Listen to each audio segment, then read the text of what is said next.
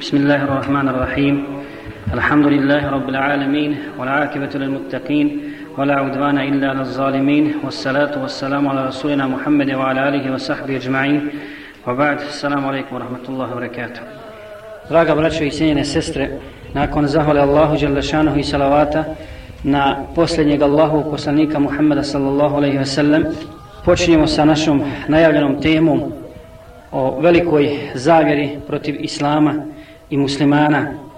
Mi smo, braćo i sestre, svjedoci opšte objave rata od strane kršćanske Amerike i njenih sestara, blizankinja iz Evrope. Dakle, opšte objave rata protiv Islama i muslimana. I ono što želimo na početku kazati jeste da ovo nije ništa začuđujuće. I to istinske vjernike, one koji razumiju Kur'an i sunnet poslanika sallallahu alejhi ve sellem i koji čitaju Kur'an i istoriju ljudskog roda znaju da to nije nova stvar jer sukob između istine i laži je star taman koliko je staro i ljudsko obivstvovanje na zemlji. Borba između istine i laži, između svjetla i tame, između islama i kufra, odnosno vjere i nevjere, traje od postanka čovjeka na zemlji i ona će stalno trajati do sudnjega dana. Trajeće do sudnjega dana jer ne može obodvoje opstati na zemlji, istina i laž. Niti može obodvoje nestati. Mora biti jedno. Nažalost, mi smo danas svjedoci da trenutnu vlast u rukama drže nosioci kufra. Nosioci tame, zablude i sijači nereda i svjedoci smo da je islamski svijet, da su muslimani danas na zemlji poniženi i poraženi u svakom pogledu, i politički, i vojno, i ekonomski, i nema sumnje također da se zna šta je uzrok tom poniženju. Mi smo o tome govorili, a muslimani su također svjesni toga da Allah Đalešanuhu kaže inna Allahe la yugayiru ma bi kaumin hatta yugayiru ma bi anfusihim. Allah neće promijeniti stanje jednog naroda dok on ne promijeni sam sebe. Dakle, kad je ummet napustio slijedženje Kur'ana i sunneta, onda ga je snašlo svako poniženje. I radi toga, dakle, danas muslimani trpe nezapamćen teror i nezapamćen pritisak i podvale i laži od strane kršćanskog zapada. Teror, dakle, i politički, i vojni, i ekonomski. Svoj teror nad muslimanima, braćo i sestre, samo da se podsjetimo. Zapad čini, odnosno kršćani čine, već mnogo vjekova posebno Amerika koja je danas zvanično objavila rat islamu i muslimanima, navodno zbog nekakvog islamskog terorizma. Mi znamo da su oni napali prije nekoliko godina Irak, da su napali Libiju i da napadaju dan danas te zemlje kad im god naupadne. Kad god je Amerika u ekonomskoj krizi, Kad god treba skrenuti pažnju sa svog zuluma, sa nereda i nasilja koje ga čine, onda izmisle neprijatelja obavezno muslimanima i pošalju svoju vojsku. Također, napali su Afganistan, napali su Sudan i evo već 50 ili možda više godina neprestano čine zločin i čine zulum muslimanima u Palestini. Dakle, mi danas želimo govoriti o američkom terorizmu, o Americi koja danas pokušava da se nametne kao jedina sila na zemlji. O Americi kojoj su čak i mnogi muslimani pridavali Allahove atribute. Tako da su govorili da Amerika sve može, da Amerikanci sve prati, da im se ništa sakrit ne može, da su oni neuništivi, da oni vladaju, da se njih valja bojati i tako dalje. Međutim, mi smo vidjeli, bili smo svjedoci da Amerika nije nikakva sila. I ne samo to, nego ako se sjećate, prošle godine, kada je pao veliki snijeg u Americi, Zvala su braća iz Amerike i pitali smo kakvo je tamo stanje. Kaže da im nije tehnike i da se ovo desilo, da oni žive u Bosni, svi bi pocrkali. Dakle, njihova tehnika, njihova moć i njihova superiornost je pala u vodu. Ovo ne govori zbog toga što mi likujemo nad onim što se desilo u Americi. Ja bih ovdje spomenuo islamski stav. Napad na civile, napad na ona dva centra u kojima su radili civili, u kojima je bilo dosta i muslimana također, dakle je zabranjen i napad na civile, je inače zabranjen muslimanima i u ratu. I ja bih spomenuo, pročitah neki dan, tražeći po internetu fetve, odnosno mišljenja naše uleme, koja bi danas trebala da bude na čelu odbrane islama i ponosa muslimana, Tražio sam i našao sam mnoge fetve, između ostalog fetva od šeha Salman Auda u kojoj spominje upravo ove stvari i navodi dokaza da to po islamu nije dozvoljeno. Dakle, muslimani su od toga čisti. Međutim, mi ovo ne ističemo zbog toga što se bojimo Amerike, nego radi toga, kako su rekli Afganistanci i njihove vođe, što je ovo Allahov šerijat. Što se Allahovim šerijatom nema igre, što se on ne može kršiti, sa njim nema kalkulacija niti kompromisa. Dakle, oni žele da sprovedu Allahov zakon na zemlji, a Amerikanci muslimane po osnovu Afganistanu proglašavaju najvećim teroristima, vandalima, zaostajim ljudima i tako dalje. Zato vas pitam, braćo i sestre, ima Allaha Đalešanuhu, kad je u pitanju ovaj zulum i teror, šta su skrivili sudanci? Pa su Amerikanci napali Sudan i poubijali na hiljade ljudi i žena i djece. I to ne nazivaju terorizmom. Znate šta su skrivili? Skrivili su onda kada je njihova vlada se izjasnila da će uspostaviti šarijet u Sudanu. Da će uspostaviti Allahov zakon u Sudanu i da njihov narod želi i izabire šarijat. Mimo svih drugih ideja, svih drugih zakona. Zatim, dugogodišnji rat protiv Iraka i milion ubijenih civila, milion ubijenih muslimana, žena i djece, za njih nije terorizam. Napad na Libiju, 20-godišnji rat u Afganistanu i milione ubijenih muslimana, za njih nije terorizam.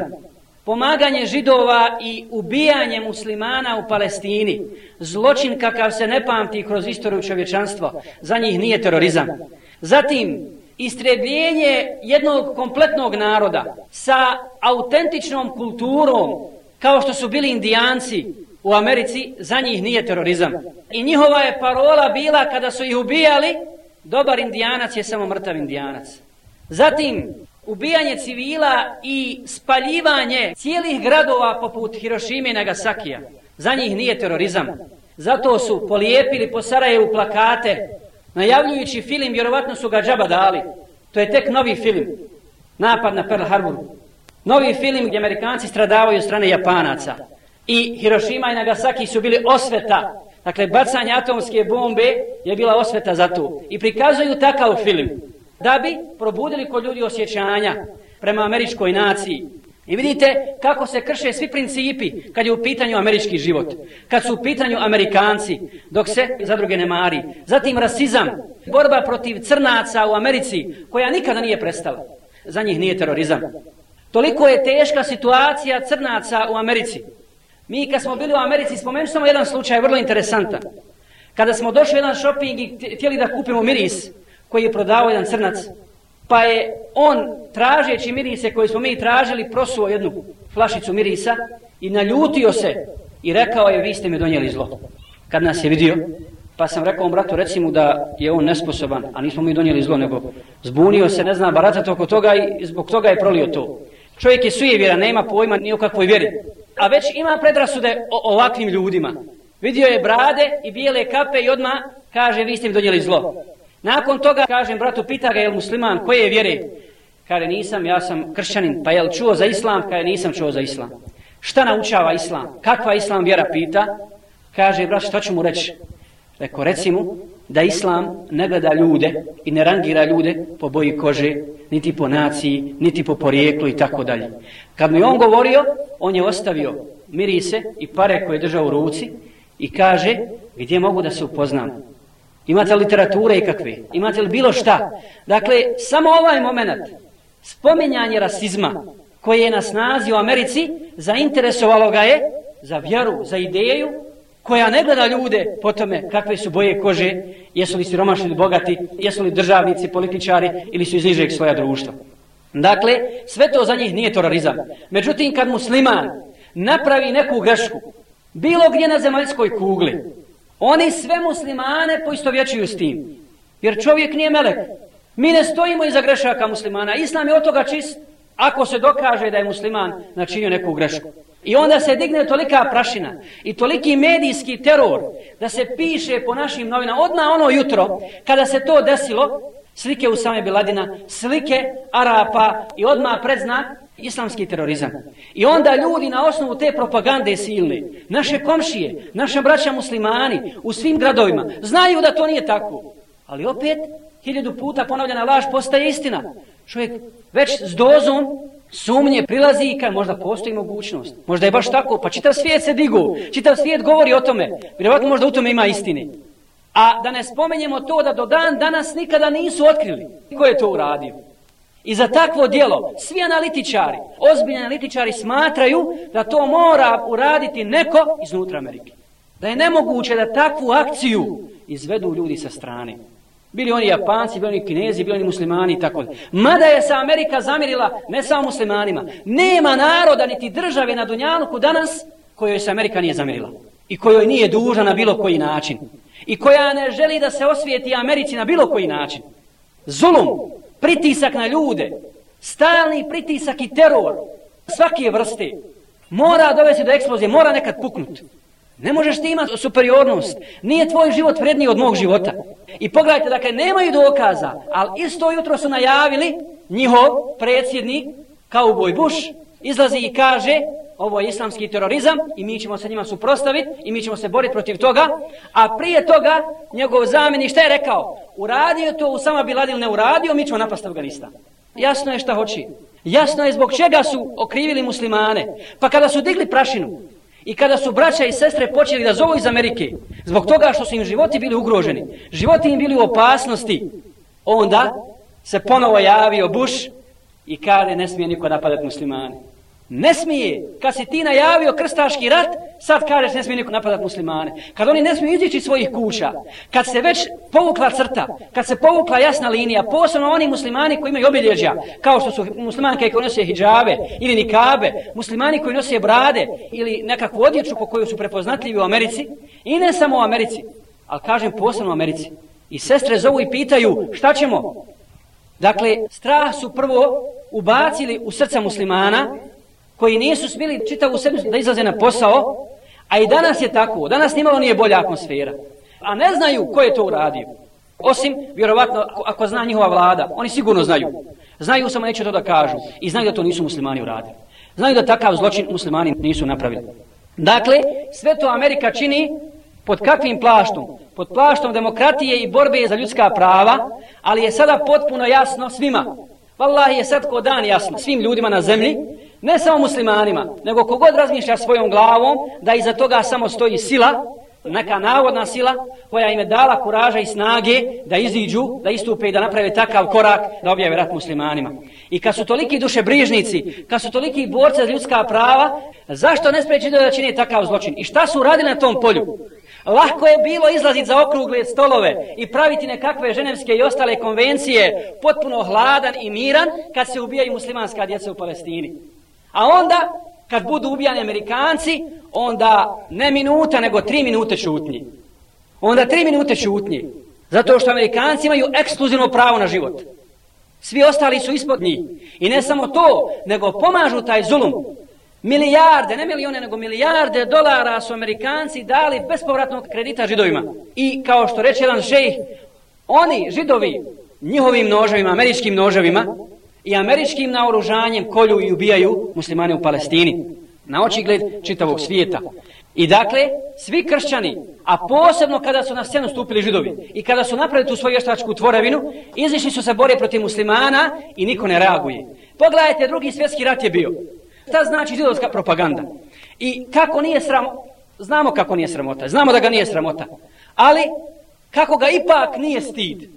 Jakoba Fincija da iziđe i da u novinama i na televiziji radiju govori o nekakvoj multikulturi i spomenje dva grada jedina na svijetu koja su takva, koja su simbol tolerancije.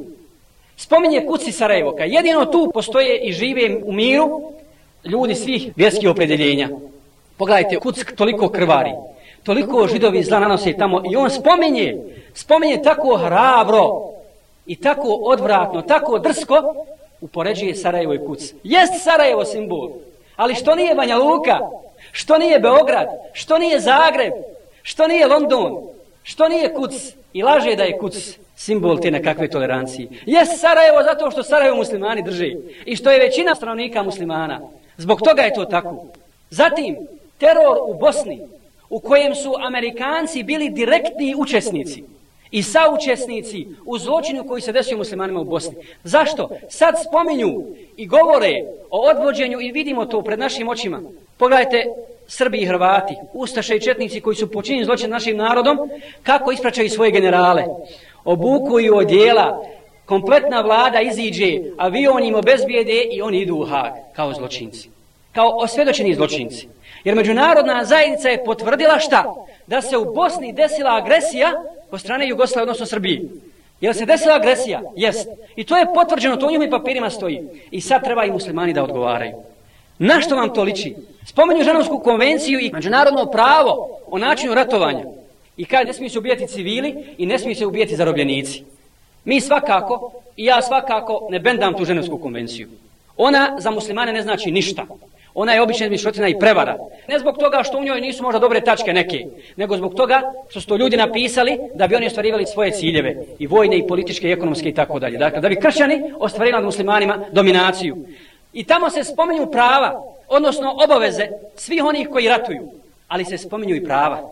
I prava svake napadnute države, kako stoji tim konvencijama, jesu šta?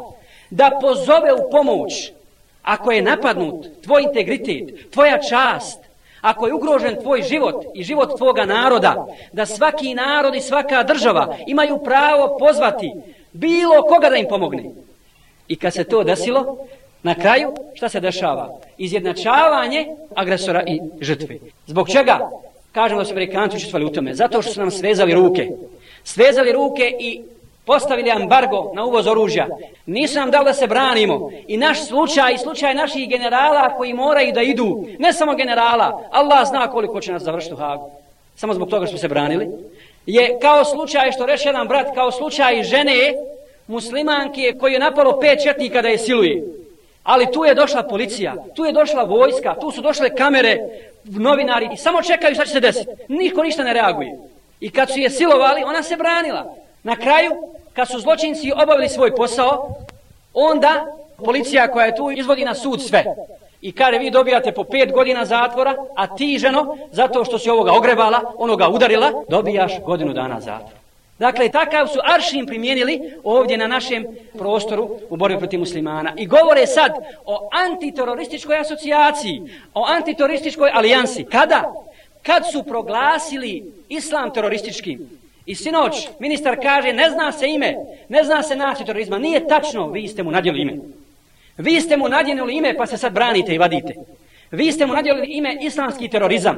I kaže, mi smo uspjeli dogovoriti sa policijom iz Republike Srpske, iz Herceg Bosne, koja zvanično ne postoji, ali nezvanično uvijek postoji, nikad nije prekinuta, dogovoriti s njom policijom da zajednički učestvujemo u toj alijansi. Zašto su pristali Srbi i Hrvati? Srbi iz Republike Srpske i Hrvati iz Hercegovine na takvu stvar. Samo zato što se radi u borbi protiv muslimana. Samo zbog toga i da se zaboravi zločin, da se zaboravi agresija, nego sad naši ljudi iz vlade, iz ministarstva, iz MUPA izmišljaju neprijatelje, izmišljaju nepostojeće teroriste iz svoga naroda da bi se zaboravio zločin. Da bi se zaboravili zločinci, da bi se pozivalo njih da im se sudi. Što nisu kada je ubijen Leotar napravili ovo. A spominje 120 sinoć slučajeva, 120 slučajeva terorističkih napada. Samo jedan od tih pripisuju muslimanima. Za sve ostale se zna da nisu radili muslimani. Što tada nisu napravili antiterorističku alijansu. Nego sada kad je Amerika dala zeleno svjetlo da se to uradi, e onda će biti uhapšen onaj za koga Amerika kada treba da bude uhapšen. I nema drugi. Zatim podjela vlasti kod nas u Bosni. Parat na Kosovu. Parat u Čečeniji. To za njih nije terorizam. I rat na svakom drugom mjestu. Evo samo jednog jasnog dokaza. Da su mjesto muslimana u svim ovim državama bili kršćani. Bil Amerika dozvolila da se to desi? Ne bi ni slučajno. Ne bi ni slučajno. Dakle, Amerika se bori za pravdu i oni su u pravu i kad ubijaju i kad budu ubijeni. Kao što je rekao talijanski predsjednik juče, što je rekao? Kršćanska civilizacija je superiornija od islamske civilizacije. I mi ne smijemo dozvoliti da nas oni vrati 1400 godina unazad. A onda su ga napali njegovi ljudi. Ljudi iz njegovog kršćanskog korpusa. Pa su rekli mnogi historičari, mnogi sociolozi, mnogi političari i tako dalje. Nije Hitler ponikao u muslimanskim radovima. Nije Hitler ponikao u islamskoj civilizaciji. Nisu inkviziciju u Španiju napravili muslimani. Nisu komunizam izmislili muslimani koji je progutao i pojeo toliko nedužnih žrtava. Dakle, sve te ideje su došle s kršćanskog zapada. I kako možeš govoriti o superiornosti kršćanske kulture? I nakon toliko zločina i nakon jasne istorije, pogledajte šta izjavljuje? Samo zbog svoje paganske mržnje protiv islama. Zato muslimani, braćo i sestre, stoga što poznajemo istoriju dobro i što znamo šta islam naučava, možemo biti ponosni i visoka čela hodati vallahi. Visoka čela hodati. Mi se ne stidimo što smo muslimani. Da sam srbin, ja bi se stidio. Wallahi bi se stidio. Da sam hrvat, ja bi se stidio. Da sam amerikanac, ja bi se stidio. Ali musliman sam i zato se ne stidim. Zato se ne stidim jer naša prošlost i naša sadašnjost su čisti. Čisti.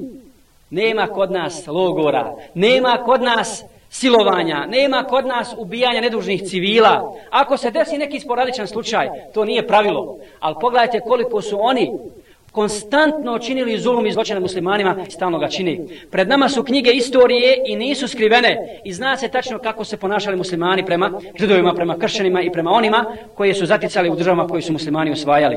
Veličinu i dobrotu islama opisali su i potvrdili i njihovi istoričari i njihovi sociolozi. I svi su potvrdili da je osnovni princip u islamu ono što je Allah objavio kada je kazao inne kremakum inda Allahi etkakum. Kod Allaha je najbolji onaj koji ga se najviše boji. To je princip koji važe sudnjega dana.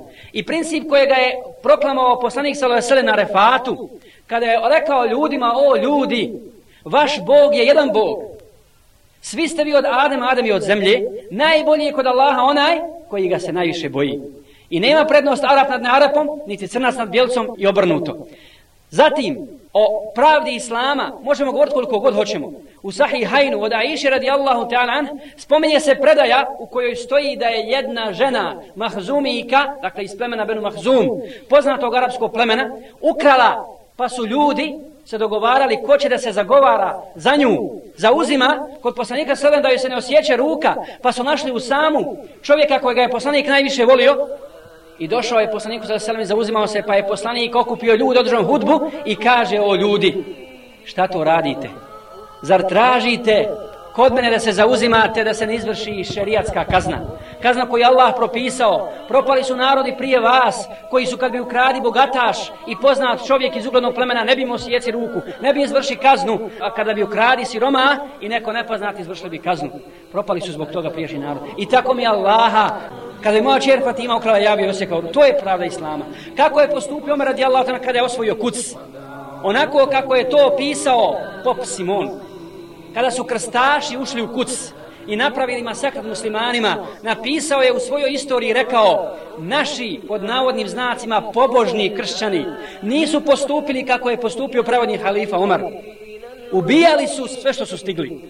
Na zvjerski način su ubijali muslimane, njihove žene i njihovu djecu. Tekla je krv potocima kucom. To su njegove riječi. Uzmite knjige pa ćete vidjeti da je on tako opisao osvajanje kuca. Nisu postupili kao što je postupio halifa Omer kada je osvojio kuc i dao ljudima amnestiju. Oslobodio ih. Dozvolio im da ostanu na svojoj vjeri samo da plaćaju džiziju. Jer muslimani su uvijek najavljivali rat, odnosno osvajanje i širenje dave sa tri šarta ili primanjem islama, ili davanjem džizije i stavljanjem pod okrilje šerijata, ili rat. Zatim, kada su muslimani osvojili Španiju, Musa ibn Sair i Tarik ibn Zijad, šta su rekli Španci kada su vidjeli Tarik ibn Zijada sa svojom vojskom, koliko je bilo muslimana? Koliko je bilo u Tarikovoj vojsku muslimana? Sedam hiljada. Braćo, sedam hiljada muslimana osvojilo Španiju. Državu čitavu. I došao je Musa ibn Sajri kao emir Magriba u pomoć sa još pet hiljada muslimana i kad su i vidjeli španci, poručili su roderiku njihovom kralju, šalji vojsku. Šalji pojačanje, ali koga god pošalješ i koliko god vojske pošalješ, ne možemo se suprostaviti. Jer kaj mi smo vidjeli ljude za koje ne znamo ili su stanovnici nebesa ili stanovnici zemlje. Pog čega? Zato što nisu zolumčari, idu, zikre, tekbiraju, osvajaju zemlju i ostavljaju te ljude na miru. Nikom ništa ne čini. To je bila njihova parola. Kad su ljudi to vidjeli, prvi put vide osvajače koji ne čine zulum, nego su pravedni. Zatim Omer ibn Abdul Aziz, kada su muslimani osvojili Semerkan bez najave, bez ova tri šarta koja smo spomenuli.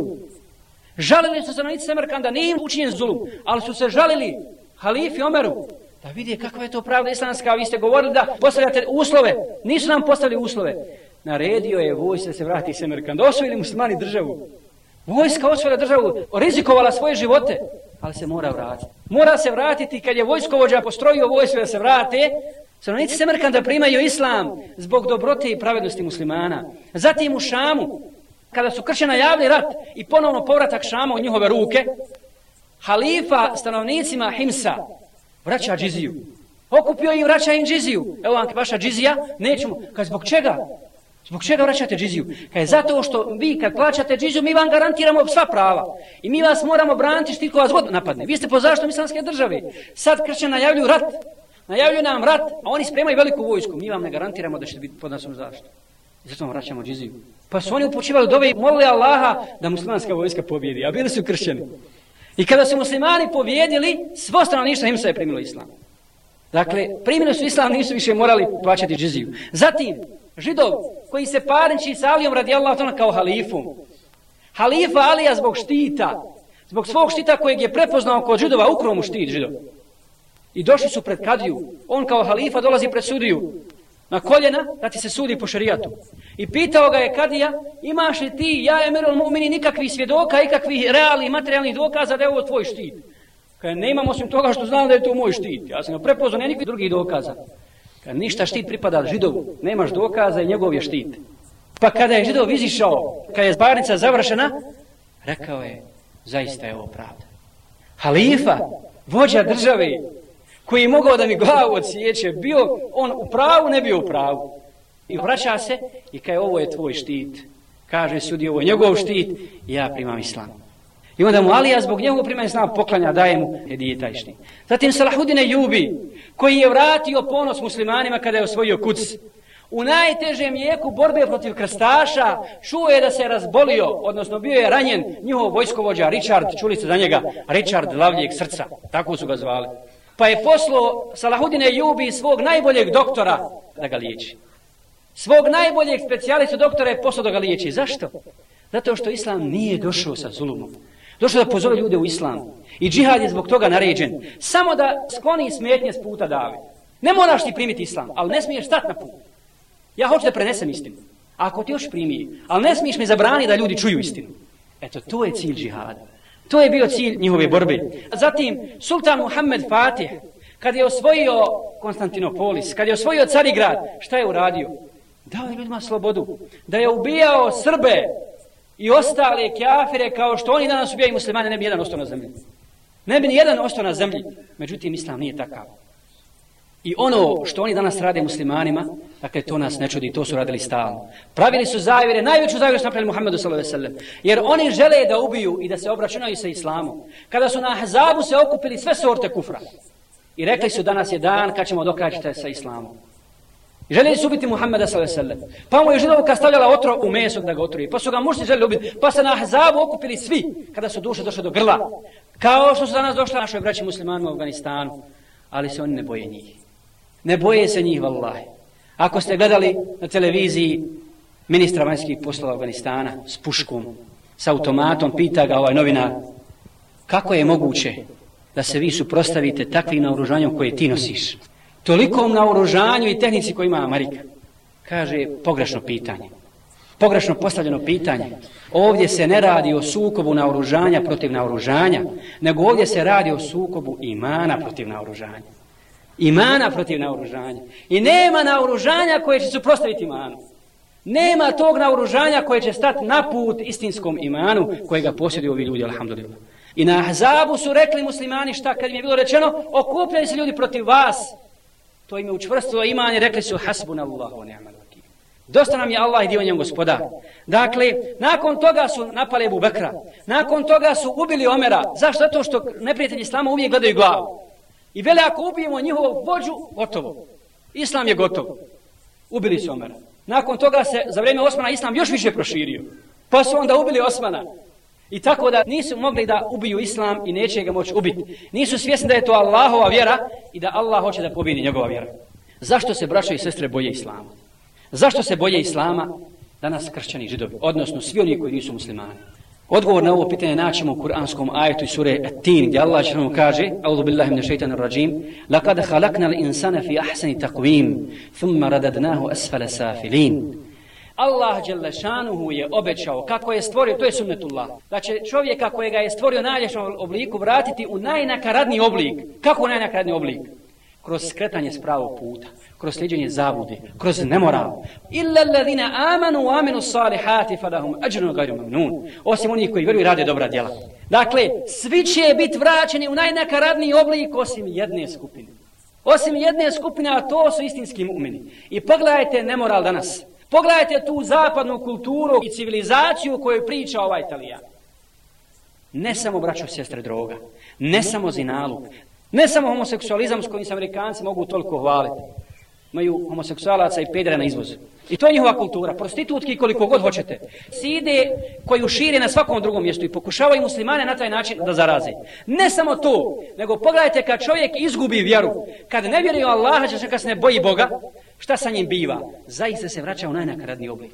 Čitam neki dan u avazu, više od 300 slučajeva, to nije ekskluziva, to nije ekskluzivna vijest, nego više od 300 slučajeva samo u Hrvatskoj, samo u Hrvatskoj slučajeva incesta, gdje otac kakav je to otac, siluje svoju čerku i življava se sa njom više godina, tek nakon izvjesnog vremena, ona pobjegne od kuće i govori odje nekom novinaru ili nekoj socijalnoj ustanovi i kaže, otac me maltretirao na takav i takav način. Samo u toj državi, a da ne govorimo dalje. Dakle, to je njihov moral. To je njihova kultura. To je njihova vjera. A u globusu čitam, spominje se zinaluk popova. I kaže, crkva katolička oprašta grijehe popovima koji ponekad učine zinalu. Dakle, to je žalosno. To je vallahi žalosno. Dakle, to je njihova baština. I to je ono čime se oni mogu pohvaliti. Zato oni mrze islam, jer samo islam ima snagu da ljudima vrati sreću, da ljudima vrati ponos i na ovom i na drugom svijetu. I pogledajte kako pada preko noći u prah američka demokratija, kad je u pitanju širenja islama. Prije smo svi govorili, u Americi su veća prava nego u islamskim zemljama. U Americi muslimani mogu da rade što god hoće, da ispovedaju islam kako god hoće, da pozivaju kako god hoće. Jeste do kritičnog momenta kojeg oni prate dobro.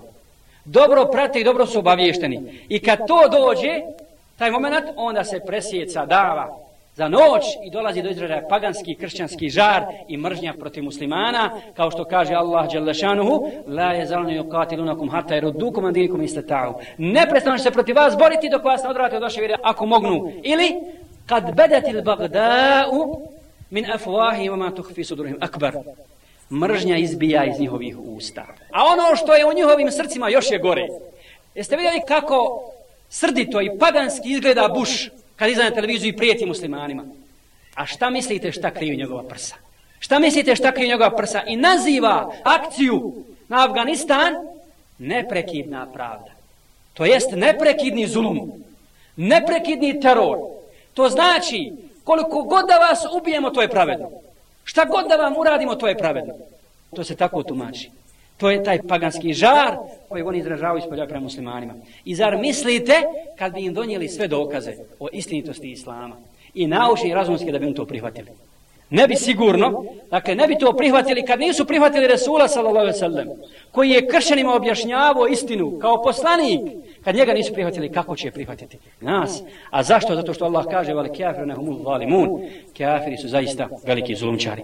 I na koga nasrću? Na ljude koji hoće da uspostavi Allahov šerijat. Koji hoće da uspostavi Allahov šerijat. Nisu bili protiv Islama kako ga je Sejid Kut nazivao protiv američkog Islama. Kad pričaš o islamu koji govori samo onima koji su pod zemljom i onima koji su na nebesima. Samo onima pričat na zemlji ništa. Nemo ništa spominjati. Uči mrtvima tevhide, jasine, Kur'an, spomeni mrtve, spomeni ahiret. Samo nemoj se petljati u život. I eto ti onda mesida u bijeloj kući. Eto ti onda mesida na kojem god hoćeš mjestu. Klanjaj dan i noć. Dakle, oni se boje tog povratka izvornom islamu. Jer zbog čega? Islam ima snagu i kad su vidjeli da su sad mesčidi puni omladine, alhamdulillah, to juče je tako nije bilo, subhanallah. Vidjeli su da je propo njihov pokušaj da pokrste, da pozapadnjače muslimane. Sve moguće su uložili i sredstva i pamet svoju i novac i tako dalje, ali nisu uspjeli. Muslimani se sve više vraćaju islamu. I znaju kad muslimana i kad muslimanska omladine, mladića i djevojaka bude što više u mešćidu, bit će i sve manje u kafanama. Biće i sve manje u kockanicama, biće i sve manje po ulici. I tada će razmišljati svojom glavom. Tada i neće moći zavoditi bjelosvjetski kao i razbojnice. A ovako slušaju vijesti i gotovo odmah istina. Jeste tako je. Ne.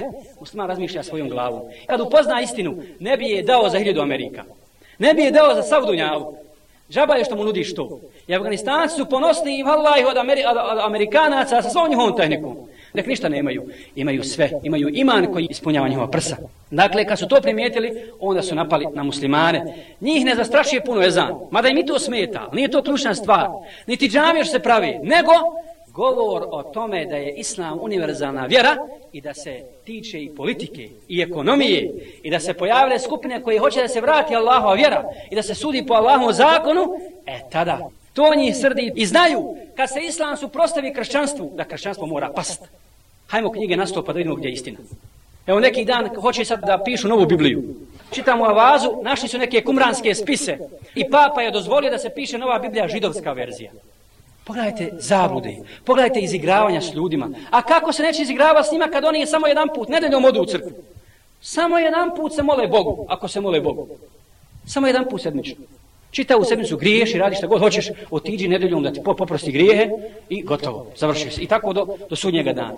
I kad vjeruju u dogmu da se Allah otjelovio, ne uzubila da je postao čovjek i da je bio mrtav tri dana, onda možete misliti te pameti i takve vjeri. I znaju da istina ostaje, a da laž nestaje, kao što je rekao Allah, kul ja'al haqqu wa zahaqa al-batil, innal batila kane zahuka. Reci došla istina, nestalo je laži, laž zaista nestaje i da mulj ne može naškoditi niti nauditi čistoj bistroj vodi, kao što kaže uzvišeni, fa emme zabadu, fa jedhebu jufa, što se tiče mulja, on odlazi, on nestaje, o emme ma yanfa'u nase, fa yamkutu fil ard. A ono što koristi ljudima, to ostaje na zemlji. Međutim, nažalost, muslimani za nas takvi, alhamdulillah, bude se. Međutim, u većini su takvi posao njihove vlade, koje dozvoljavaju Amerikancima prostor vazdušni ili kopneni da napadaju muslimane, što je nezamislivo za jednog muslimana. Dakle, muslimani su danas mirni poput vode u mrtvom moru. Ne miču se, ništa ne radi. Zbog toga je situacija takva. Ali ne gubimo nadu u Allahu milost, jer kosmos i zemlja nisu u rukama kauboja sa zapada, nego u rukama gospodara svjetova i kao što je Allah Đelešanuhu učinio iskušenja zakonom svojim za mu'mina na Dunjaluku, da bi Allah provjeri nagradio na ahiretu, tako isto učinio zakonom svojim na zemlji da zulumčari moraju propasti i da moraju biti kažnjeni. Ja bi završio sa nekoliko rečenica, odnosno jednim tekstom kojega sam našao na jednoj stranici na internetu. Divan je tekst i mene se jako dojmio. Na stranici od šeha Muhammeda Ad-Duwejša stoji naslovnica Ne bojte se za islam. Pa kaže ne bojte se za islam. Muslimani danas imaju velika saosjećanja prema islamu i boje se za njegovu budućnost na svakom mjestu. I kaže, to je dobar i lijep osjećaj i mu'minima i mu'minkama ne doliko je da se brinu samo o sebi, nego da brinu o svojoj vjeri. Ali ne zaboravimo da je Allahova odredba iznad ljudskih odredbi i da je svjetlo ove vjere jače i uzvišenije puno od toga da bi ga mogao ugasiti prezreni neprijatelj. Zato se pitajmo stalno šta smo uradili za ovu vjeru i šta smo pripremili za ahiret. A što se tiče ove vjere, ona je u rukama onoga koji je rekao Wallahu mutimmu nurihi walau karihal kafirun. Allah će upotpuniti ovu vjeru pa makal bi dopiva nevjernici. Molim Allaha Đelešanu da pomogne našu braću u Afganistanu i u Palestini, da nas ujedini u jednom safu, da nam otvori srca za Islam, da nas uputi pravi put, da nas poživi i usmrti istini. Amin. Jazakumullah.